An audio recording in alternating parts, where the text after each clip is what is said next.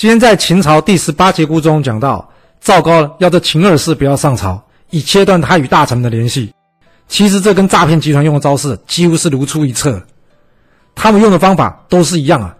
就是让你缺乏跟人的联系，或是让你无法取得资讯。所以，我们一定要注意四周有没有这样的人，他说的话听起来都很有道理，但结果呢，是要我们无法与身边的人取得联系，或是断绝我们资讯来源，甚至是。他给的资讯来源，我们无法向人求证，那这样我们就非常有可能跟秦二世一样，落入这诈骗的圈套之中而不自知。历史刻画着人性，了解历史，或许我们就能用不同的观点去判断事情。您说是吧？想了解完整版的故事内容，欢迎到我的爱故事频道去看哦。